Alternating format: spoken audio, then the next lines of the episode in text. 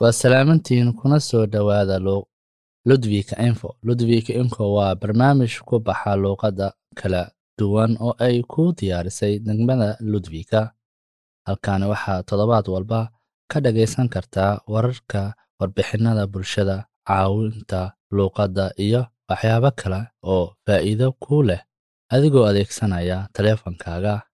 Barnaamijkan waxaa lagu dhagaysan karaa lix luuqadood oo kale ah kala duwan sida swidishka fudud ingiriiska carabiga tikrinya soomaaliga iyo barashada ama daari waxaan rajaynayaa in barnaamijkeenna uu ku noqon doono waddo wanaagsan oo aad ku horumariso swidishkaaga waxaan jecelnahay in aad nagu biiriso fikirkaada nala wadaagto waxa aad jecesha jeclaan lahayd inaad barnaamijkan ku soo kordhiso adiga oo nagula soo xiriiraya ciwaanka iimailka ah buud ee ludwika bontasi aad ayaan kuu soo dhowaynaynaa qof walba oo aad tahay iyo meel walba oo aad ku sugan tahay mahadsanid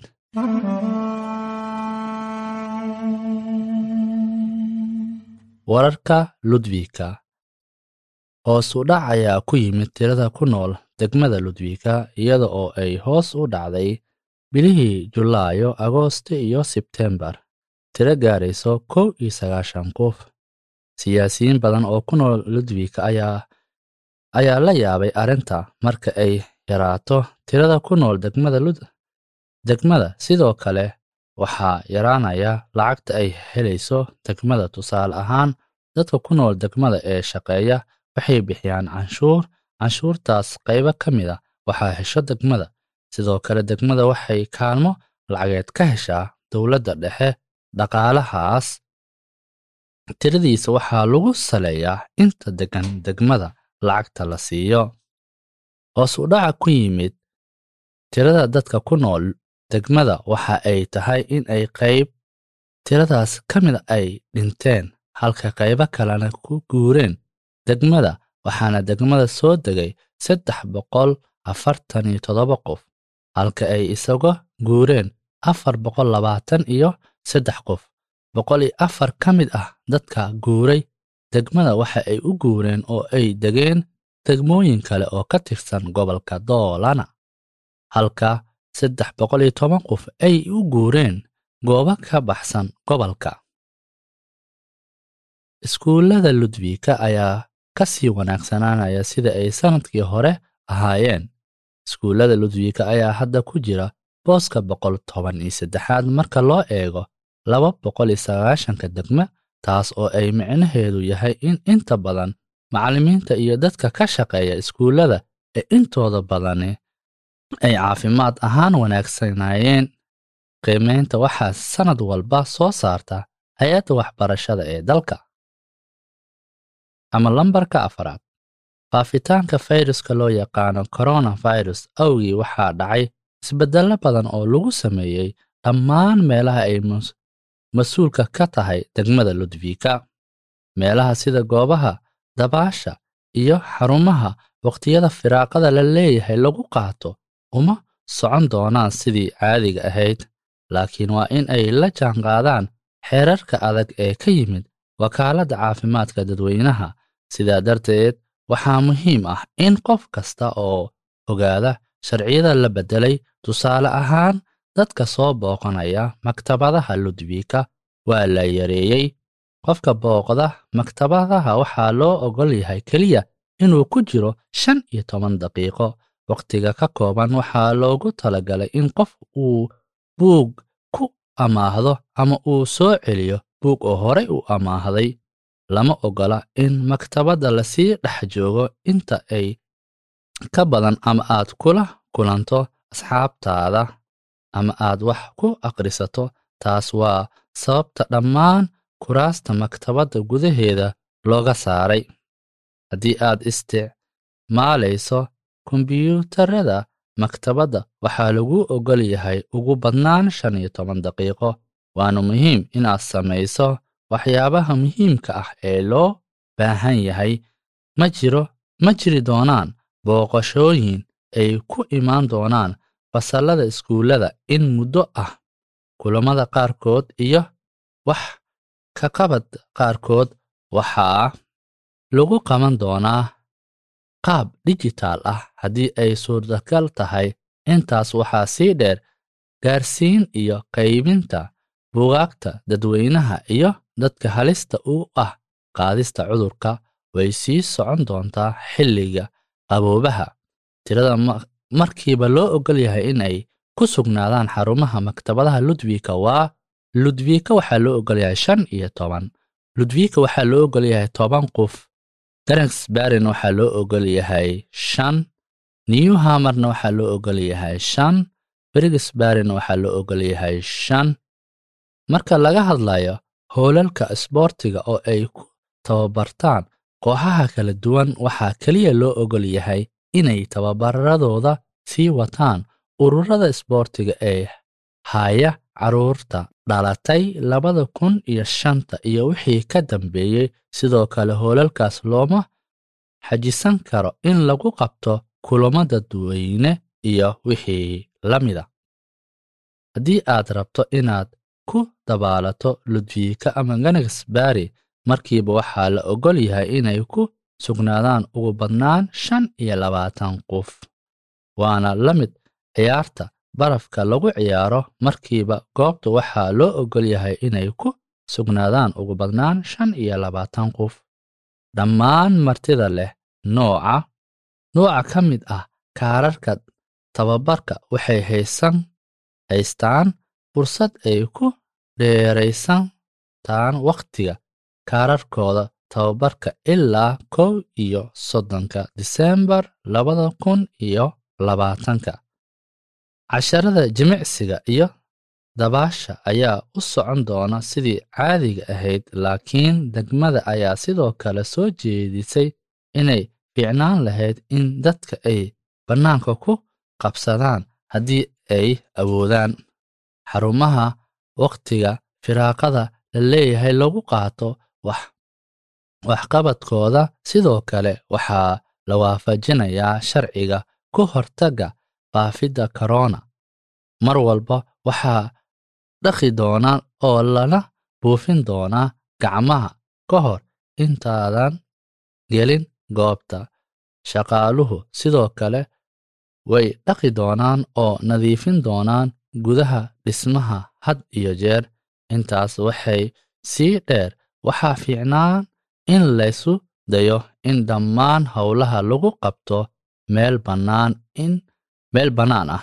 Inta la awoodayo sida darteed goobaha dhallinyarada ku kulanto way sii furnaan doonaan iyada oo la xadidayo markiiba tirada ku kulmi karta goobaha waxyaa waxayna noqon doontaa sida. Hafash volkatshus waa shan iyo labaatan qof. Xarunta loresbury waa shan iyo toban qof. Xarunta ganagsbury waa shan iyo labaatan qof. Waxaa laga yaabaa inaad aragto in xarunta korontada mashiinka weyn ee yaalla agagaarka isgoyska dabdamiska ee ludwika iyo dhismaha cad ee ku yaalla hamarbakan ay ka ifayaan iftiin oranji ah intoo u dhexaysa shan iyo labaatanka nofembar ilaa tobanka disembar tani waxaa loo sameeyey in dadku la xasuusiyo dhibkii ay ragga kula kici jireen. Haweenka shan iyo labaatanka nofembar waa maalin gaar u ah ay tahay maalinta caalamiga ah ee qaramada midoobay ee ka dhanka ah tacadiyada lagula kaco haweenka. Sidaa daraaddeed goobaha ka mid ah dunida waxaa laga daaraa nalal kale nalal kalkooda ah orange. Ludwika goobaha laga daaro. Nalalka ayay ka mid tahay. Garaacista xaaskaaga waxay sharci daro ka noqotay sweden. Horaantii kun siddeed boqol lixdan iyo afartii. Laakiin haweenka ayaa lagu dilaa saddexdii isbuucba mar dalka sweden. Gudihiis badanaana waxaa lagu dilaa gurigeeda waxaana dhibka u geysto ninka xiriirka ay wadaagaan ama qabo. Tani waa dhibaato weyn maxaa yeelay gurigu waa inuu ahaadaa meel aamin ah oo aad wakhtiga kula qaadatid qoyskaaga islamarkaana aad ku nasatid nasiib darro. Haween badan waxay dareemaan amni darro guryahooda ah. Ma ahan oo keliya naftooda laakiin sidoo kale carruurtooda ayaa dareenta amni darro. Sida loo sida lagu soo xigtay cilmi baaris la sameeyey waxaana lagu ogaaday in qiyaastii boqol iyo konton kun oo carruur ah ay ku nool yihiin qoysas uu waalidkoodu mid kale ku xadgudbo. Daraasadda sidoo kale waxay muujinaysaa in rabitaanka guryaha ay sii kordhayaan hadda maadaama fayrusku korona uu fiday dadkuna ay guryahooda joogaan inta badan. Haatan waxaa soo gaaraya warar aan farxad lahayn degmada ludwika waxayna go'aansatay in la xidho franciscobshusetka laga bilaabo siddeed iyo tobanka disembar sabab la xidhiirta waxay tahay inay yaraadeen dadka u baahan ee lagu caawin jiray taas oo ay degmadu u fahamtay in dadku laga caawin jiray goobtaas ay iyagu isku filnaadeen oo ay haatan u baahnayn caawinaad ay qaban jirtay xaruntaani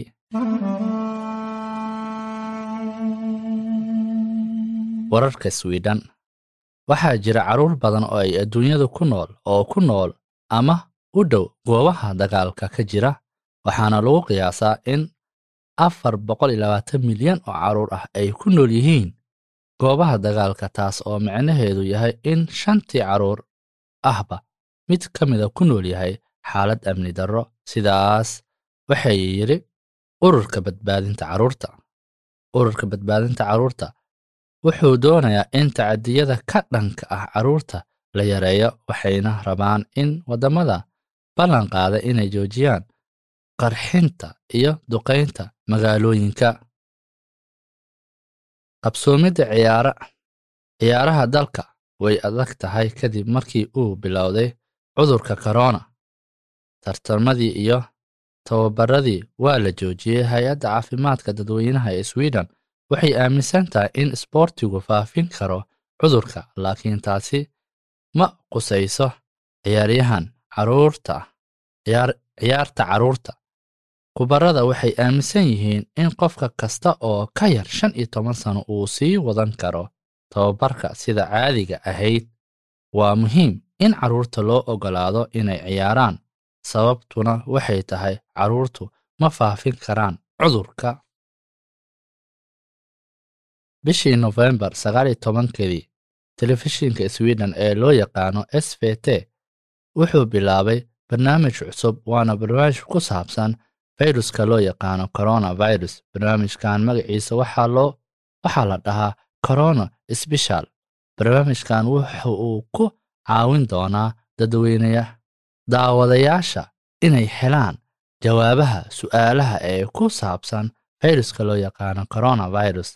Hibo hibba daniel ayaa soo jeedinaysa barnaamij s v t waxayna baahin doontaa barnaamijka corona gaar ahaan gaar u ah laba jeer isbuucii ilaa laga gaarayo krismaska dowladda waxay iibsan doontaa tallaalka loogu hortaga fayruska sidaa waxaa sheegay dowladda. Tani waxay ka dhigan tahay in sweden ay hadda go'aansatay inay iibsato tallaalka kooban saddex nuuc oo kala duwan. Ma jiro tallaal weli diyaar ah laakiin tijaabooyin ilaa iyo hadda la sameeyey waxay muujinayaan in tallaalku yahay mid waxtar leh. Khubarada ayaa rumaysan yihiin in sweden ay bilaabi karto tallaalka bisha janaayo ee sannadka soo socda waxaana lagu bilaabi doonaa dadka carruur cudurrada u nugul waayeelka iyo kuwa ka shaqeeya daryeelka caafimaadka. Laakiin khubarada sidoo kale waxay dhaheen wakhti ayay qaadan doontaa ka hor inta uusan tallaalku baabi'in fayruska loo yaqaano coronavirus. Ma ahaan doono sidii caadiga ahayd weliba muddo aad u dheer inkastoo dadku bilaabi karaan inaysan is tallaalin. Bisha janaayo khubarada waxay dhaheen qof kasta waa inuu u diyaar garoobaa xeerarka kala duwan ugu yaraan ilaa dayrta soo socota. Qof kasta waa inuu sii wadan wadaa inuu nu raaco sharciyada yarayn kara faafitaanka fayruska. Si ka duwan sidii dad badani aaminsanaayeen taasoo ah in uusan ku dhicin ama dhibaato badan u geysan karin karoonaha dadka dhallinyarada ah. Natiijada taas ka duwan ayaa soo ifbaxaysa taasoo ah in dhallinyaradu u dhexayso labaatan iyo labaatan iyo sagaal sano uu waxyeeleeyey cudurka meelo badan oo dalka ka mid ahna daraasad ayaa muujinaysa in dhallinyaro badan badankooda aysan ka baqaynin inuu ku dhaco cudurka loo yaqaano coronavirus.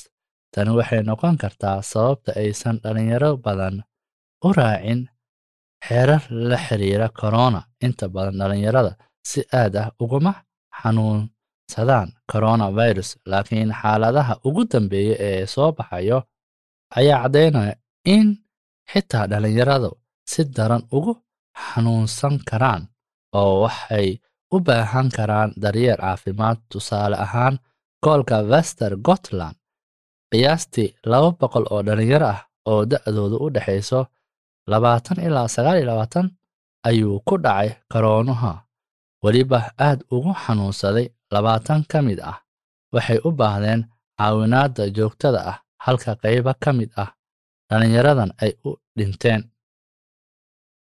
Fayruska corona wuxuu ku sii fidayaa dalka sweden.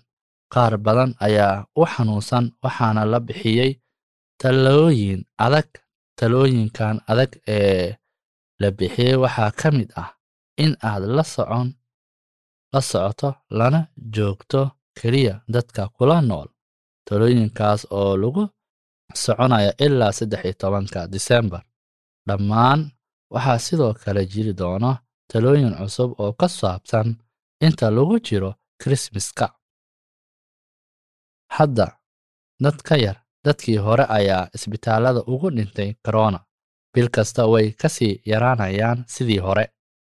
Maamulka sare ee caafimaadka iyo daryeelka ayaa sidaa leh. Markii hore waxaa badan kama aqoon fayruska laakiin hadda wax badan oo dheeraad ah ayaa ka ogaanaya tani. Waxay noqon kartaa sababta dadka in ay yar ugu dhintaan isbitaallada inta lagu jiro muddada fayruska jiray. Daryeelka caafimaadka wuxuu baray wax badan oo ku saabsan sida loo caawiyo dadka qaba cudurka. Fayrusku corona wuxuu ku faafayaa sweden ilaa gugii la soo dhaafay. Dad badan ayaa su'aalo ka qaba fayraska waa kuwan qaar ka mid ah su'aalaha iyo jawaabaha la xiriira corona virus weli ma ku sii fidayaa sweden? Haa xilligii kulaylaha fayruska wuu yaraaday laakiin hadda wuxuu bilaabay inuu mar labaad faafo haddaan raacno xeerarka markaas faafistiisu way yaraanaysaa. Nidaamka la raaca sida loo yareeyo faafista cudurka.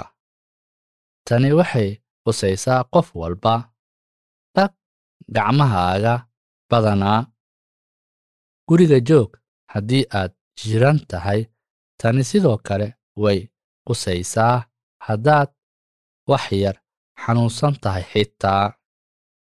U shaqee guriga haddii aad awoodid. Ka fogow dadka kale maxay yihiin sharciyada dheeraadka ah? Xeerarka waxay quseeyaan inta badan gobollada sida la doorbidayo ha ahaadin dukaamada xarumaha ganacsiga madxafyada goobaha jimicsiga meelaha lagu qubaysto ama maktabadaha ha aadin shirka riwaayadaha ama tiyaatarada. Hala jimicsan dad kale carruurta keliya carruurta ka yar shan iyo toban sano oo keliya ayaa aadi kara tababarka ciyaaraha. Hala kulmin dadka. Ha aadin xafladaha. Waxaa habboon inaad la joogto kuwa aad la nooshahay oo keliya. Waa inaad waa caadi inaad u baxdo inaad soo iibsato cunto ama daawo iyo inaad booqato isbitaal ama xarun caafimaad laakiin haddaad ara xirgab qabtid guriga joog waa maxay sharciga quseeya dadka da'da ah? Dadka da'da ah iyo dadka kale dadka kale sharciyada isku mid ayay quseeyaan wakaaladda caafimaadka dadweynaha ee sweden ayaa meesha ka saaraysa xeerarka dheeraadka ahaa ee loogu talagalay dadka ka weyn toddobaatanka sano. Xeerarkii dheeraadka ahaa ee lagu dabaqi jiray guryaha lagu xanaaneeyo dadka waayeelada ah. Sidoo kale hadda meesha waa laga saaray laakiin dadka da'dooda ka weyn tahay toddobaatanka sano waxay halis weyn ugu jiraan inay si daran ugu xanuunsadaan fayruska. Imise ayaa kulmi karta. Laga bilaabo afar iyo labaatanka nofembar ugu badnaan siddeed qof ayaa kulmi karta. Tani waxay qusaysaa isu imaatanka dadweynaha sida riwaayadaha iyo wixii la mid ah. Ma ahan xaflado gaara loo leeyahay laakiin dowladdu waxay leedahay haddii aad u malaynayso inaad gurigaaga ku casuumi karto toddoba qof qado ama aadan fahmin mamnuucista sababta loo sameeyey mamnuucista waxay shaqaynaysaa afar toddobaad. Maxaa dhacay marka la kulmo dadka kale waa inaad qofka ka fogaataa qofka kale kulmayso una jirsataa ugu yaraan mitir iyo bar islamarkaana aadan la joogin in ka badan shan iyo toban daqiiqo. Markaas halis way yar tahay in laysqaasiyo fayruska. Ma safri karaa? Waa la oggol yahay in lagu safro gudaha sweden laakiin waa inaadan safrin haddii aad qabtid fayruska xasuusnow inaad ka fogaato dadka ka marka safrayso waad u safri kartaa inta badan waddamada yurub laakiin waa inaad ku dadaashaa inaadan u safrin waddamo ka baxsan yurub. Sida lagu kala qaado fayruska fayruska waxaa lagu kala qaadaa markaad u dhowaato qof jiran fayruska wuxuu faafin faafaa marka qofka qunfaco ama ku taabto. Halkee ugu fudud ee lagu qaadi karaa cudurka? Dadka intiisa badan waxay ka qaadaan cudurka qof iyo la nool yihiin ama qof ay wada shaqeeyaan. Maxay tahay sababta aanan loo xirin marada afka lagu xirto khubarada hay'adda caafimaadka dadweynaha ma aaminsana in afxirashadu joojin karto faafista cudurka taasina waxay ka muhiibsan in lagu fogaado dadka kale iyo inaad guriga joogto haddii aad jiran tahay. Haddii dadku qaataan afxirasho waxay noqon karaan taxadar la'aan. Baaritaanno noocee ah ayuu leeyahay fayraska. Waxaa jira laba nooc oo baaritaanno ah. Mid ka mid a wuxuu muujinayaa haddii aad cudurka qabtid hadda. Baaritaanno kale wuxuu sheegayaa inaa cudurka kugu soo dhacayo iyo in kale iyo inuu jirkaaga iska difaacayo iyo difaaca jirkaaga uu u leeyahay fayruska. Baaritaanka fayraska ayaa sameeye baaritaanka fayraska yaa sameeyey. Haddii aad xanuus haddii aad xanuun dareento waxaad wici kartaa koo iyo toban toddobaatan iyo toddoba ama elva qutiquy ama kala xiriir elva qutiquy bontasi internetka. Halkaas waxaad ka heli kartaa talo haddii aad rabto inaad samayso baaritaan fayruska. Maxay sameeyaa? Sameeyaa haddii aan qabo cudurka jawaabta baaritaanku waxay ku qoran waxa aad samaynaysid haddii aad qaado cudurka. Waa inaad samaysaa sida ku qoran jawaabta. Baaritaanka waxaa raacaysaa sharciga xakamaynta cudurka. Waa inaa u sheegtaa dadka aad xiriirka la leedahay oo aad la kulantaa in guriga joogtaa. Inta aad xanuunsan xanuun dareemayso marka labaadna sug laba maalmood oo ka hor intaadan bixin. Maxay samaynayaan haddii qofka guriga igula nool ku dhaco fayruska haddii qof aad la nooshahay uu ku dhaco fayruska waa inaad sidoo kale adiguna guriga joogtaa waa muhiim inaad isku daydaa inaad ka fogaato qofka cudurka qabo si aadan adiguna cudurka u qaadin. Dhaq gacmahaaga badanaa ku hindhis xagasha gacantaada wax cun wakhtiyo kala duwan qofka laga helay cudurka qol hala seexiyo keligii. Goormee ayuu dhammaanayaa dhibaatada fayruska. Qofna weli ma oga malaha ilaa tallaalku uu shaqeeyo. Goorme ayaa tallaal loo helayaa fayruska shirkado badan ayaa ka shaqaynaya sidii ay u soo saari lahaayeen tallaal si buuxda uma cadda goorta tallaalka la heli doono laakiin waxay noqon kartaa horaanta sanadka soo socda. Dowladda waxay diyaarin doontaa in qof kasta oo doonaya in la tallaalo uu tallaal helo. Marka laga hadlayo korona iyo cudurka kaleba waxaa hadda dadka muddada dheer jiray u fududaan doono in ay lacag ka helaan wakaaladda caymiska bulshada dowladda waxayna rabtaa inay beddesho sharcigan maxaa yeelay dad badan oo qaba covid nneteen ayaa jira muddo dheer.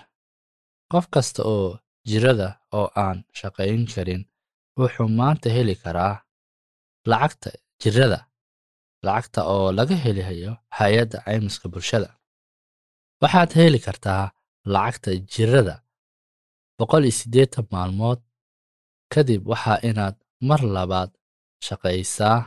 Haddii aad weli jiran tahay waa inaad muujisaa inaadan sinaba u shaqayn karin. Kadibna waxaa la tijaabinayaa inaad ka shaqayn karto dhammaan shaqooyinka ka jira suuqa shaqada. Maahan oo keliya shaqada aad ka shaqaynaysay markii aad jirnay jirnay taas macnaheedu wuxuu yahay inaad shaqo ka codsato xafiiska shaqada oo aad eegto inaad wax kale ka shaqayn karto. Laakiin haddii way laakiin hadda way fududaan doontaa inaad lacagta hesho wax ka badan boqol iyo siddeetan maalmood dowladda ayaa shalay heshiis la gashay xisbiyada center bartiyad iyo liblarna sababta oo ah waxaa jira dad badan oo u xanuun oo xanuunka haya wakhti dheer. Dadkaas ayaana ka heli doona hay'adda caymiska dadweynaha lacag in ka badan boqol iyo siddeetan maalmood. Waxaa ka jira rabshado waddanka etoobiya oo ku yaalla qaaradda afrika. Rabshadahan ayaa ka dhacaya deegaanka tigreega ee waqooyiga etoobiya dagaalkan wuxuu u dhexeeyaa dowladda etoobiya iyo ismaamulka tigreega xilligan malaha intaynan deegaanada tigreega. Adag tahay in wariyaasha halkaas gaaraan si ay war ugu soo tabiyaan tan iyo markii uu dagaalka bilowday kumanaan qof ayaa u qaxay dalka ay dariska yihiin ee suudaan. Muddo shan sano hadda laga joogo waxaa adkaatay in dadku keensadaan reerkooda qof kasta oo sharci ka helay swiden oo raba inuu reerkiisa halkan keeno waa inuu biilan karaa qoyskiisa taas micnaheedu waxay tahay in qof uu haysto shaqo iyo guri ku filan qoyska uu dalbanayo in loo keeno. Arrinkan horey uma jirin shan sano ka hor. Xaalku wuxuu ahaa in qofka marka uu sharciga helo shardi la'aan uu codsanayo familkiisa inta badan dadka familkooda dalbadane waa loo keeni jiray laakiin shan sano ka hor ayaa la beddelay sharcigaas shuruucdaad ayaa dhibaato ku noqotay qoysas badan in ka badan soddon kun oo qaraabo ah ayaa la diiday codsigooda sharciga deganaanshaha tan iyo markii la beddelay sharciyada. Morgan yohanson waa wasiirka socdaalka wuxuu qabaa in sharciga cusub uu wanaagsan yahay qof kasta oo raba inuu reerkiisa halkan keeno waa inuu awoodaa inuu biisho. Waa samayn kartaa haddii aad wax barato oo aad shaqayso ayuu morgan yohanson ku yidhi ecod haddii aad si sax ah wax u barato sweden swidishka barato aad ka dhex muuqato suuqa shaqada islamarkaana aad guri hesho markaas waad awoodi doontaa inaad reerkaaga keento. Halkan ayuu yidhi wasiirka. Hadalkaasna ayuu ku yidhi wasiirka socdaalka.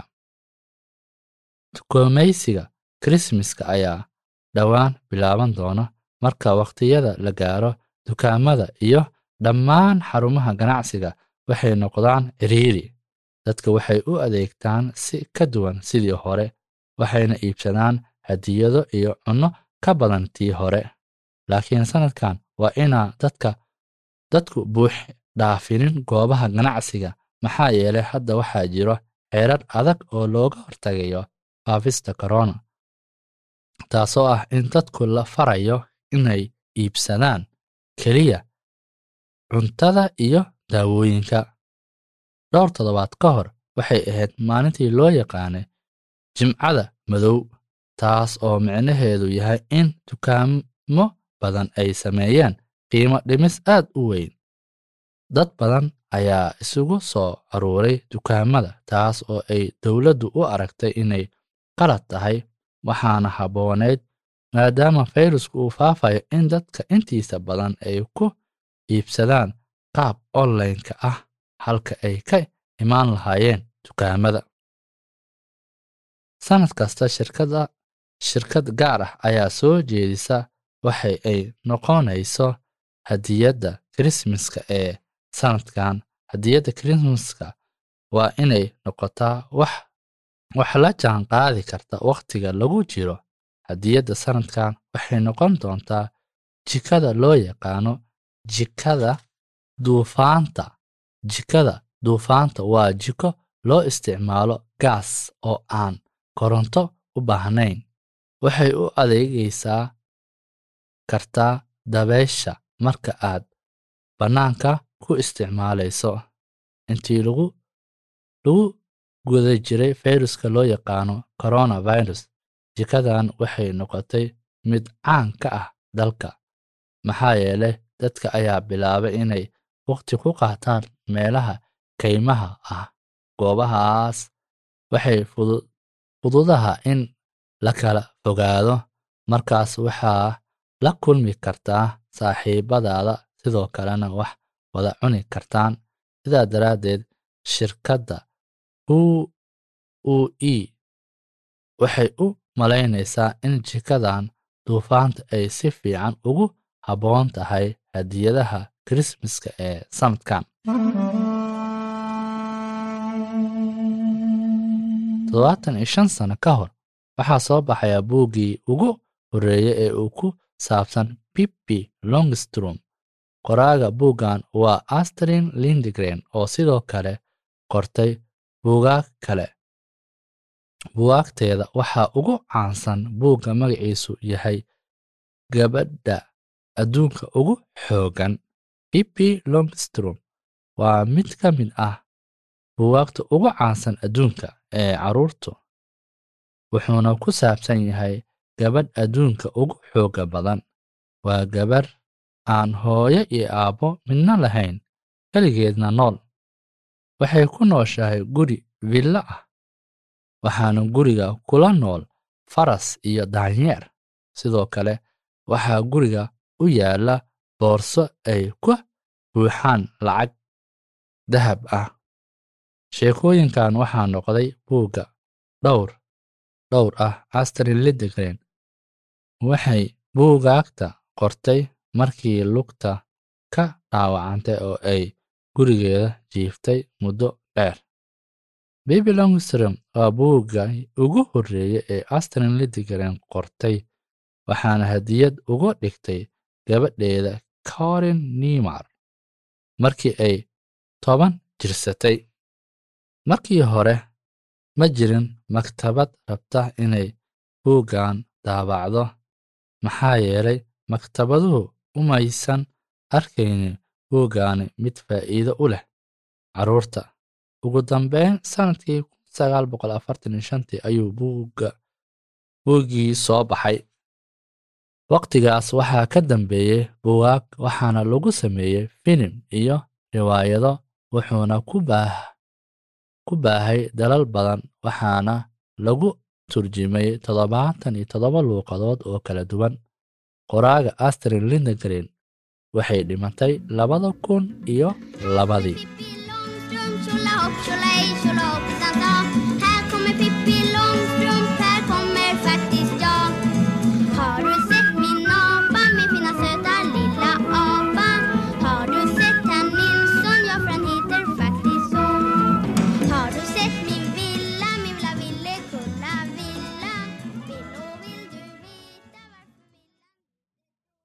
xirfadda toddobaadkan.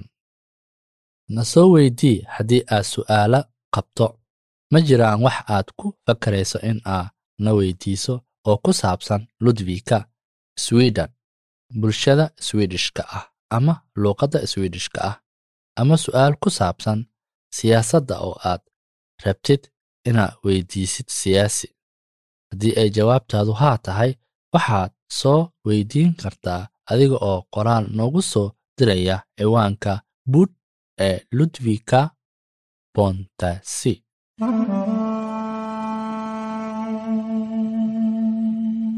swedishka toddobaadka.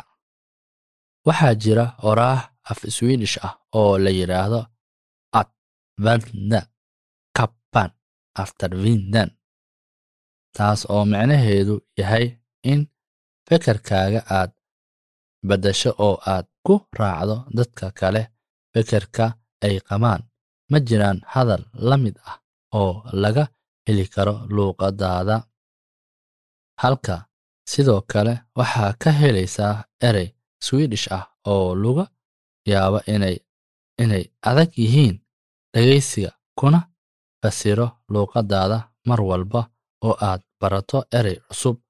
Waxaa ku ku dhoweynaysaa hadafkaaga ah inaad barato kuna hadasho luuqadda swedishka. Ett värre två anpassa tre förvånad fyra minska fem verksamhet sex besök eller besökare sju varlänga åtta gillande. 9. Aktivitet. 10. Misshandel eller misshandla. 11. Expert. 12. Trädgårds. 13. Stridssträder. 14. Tål. 15. Slockna. 16. Uttryck. 17. Åsikt.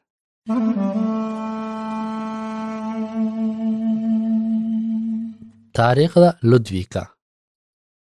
Maanta waxaan kaaga hadli doonaa taariikh kooban oo ku saabsan mornos xaafaddaas oo ka mid ah goobaha qadiimiga ee ludwika.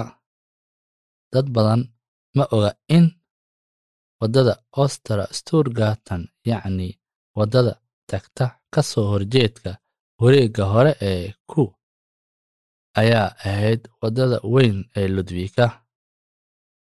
Weli waxaa ku yaalla dhismooyin duug ah oo ay ku jiraan dhismaha cagaaran ee ka soo horjeeda biseri turina oo ahaa jiray banki heliyan iyo garoonka isboortiga waxaa ku aali jiray beer weyn oo xayawaan xayawaanada lagu xanaaneeyo. Marka la bilaabay isticmaalka tareennada ayaa loo soo wareejiyey halka hadda loo yaqaano sentarka qaar badan oo ka mid ah guryihii hore. Nasiib daro maanta kuma yaalaan ludwika. Wargelin haddii aad isaga shakiso inuu ku hayo fayruska corona soo degso abka la dhaho minword kadibna ballan ka samayso si aad u ogaato inuu ku hayo iyo in kale. Haddii aad awood awoodi weyso inaad soo degsato la xiriir elva gotiqui ama koy toddobaatan. Isbitaalka aad ku xiran tahay haddii aad rabto inaad ogaatid inuu koroono kugu dhacay mar hore waxaad tegi kartaa oo baaritaan kuu samayn kara farmashiyaha waana lacag lacag ku dhowaad afar boqoloo karoona waad ku mahadsan tahay dhegaysiga aad dhegaysatay barnaamijka barnaamijkeena toddobaadka oo kaaga imaanayay ludwika info. Hana iloobin inaad nala soo xiriirto haddii ay jiraan wax aad rabto inaad wax kaaga sheegno iyo haddii aad isleedahay ama aad jeclaan lahayd in qof aan ku martiqaadno barnaamijkeenna noogu soo dir. Ciwaankeena oo ah buud ee ludwika montesi ha iloobin in aan raacno sharciyada u degsan cudurka korona taxadir oo naftaada ilaali ilaali badqabka dadka kuugu xeeran. Waxaa barnaamijka idin soo jeedinaya anigoo ah axmed waxaana garabkayga fadhiya oo barnaamijkayga qayb ka ah. Qayb weyn ka qaatay matti intaa aan ku kulmayno barnaamij. Kan la mid ah waxaan idin kaga tegayaa nabadgelyo iyo kulanti dambe oo xiiso leh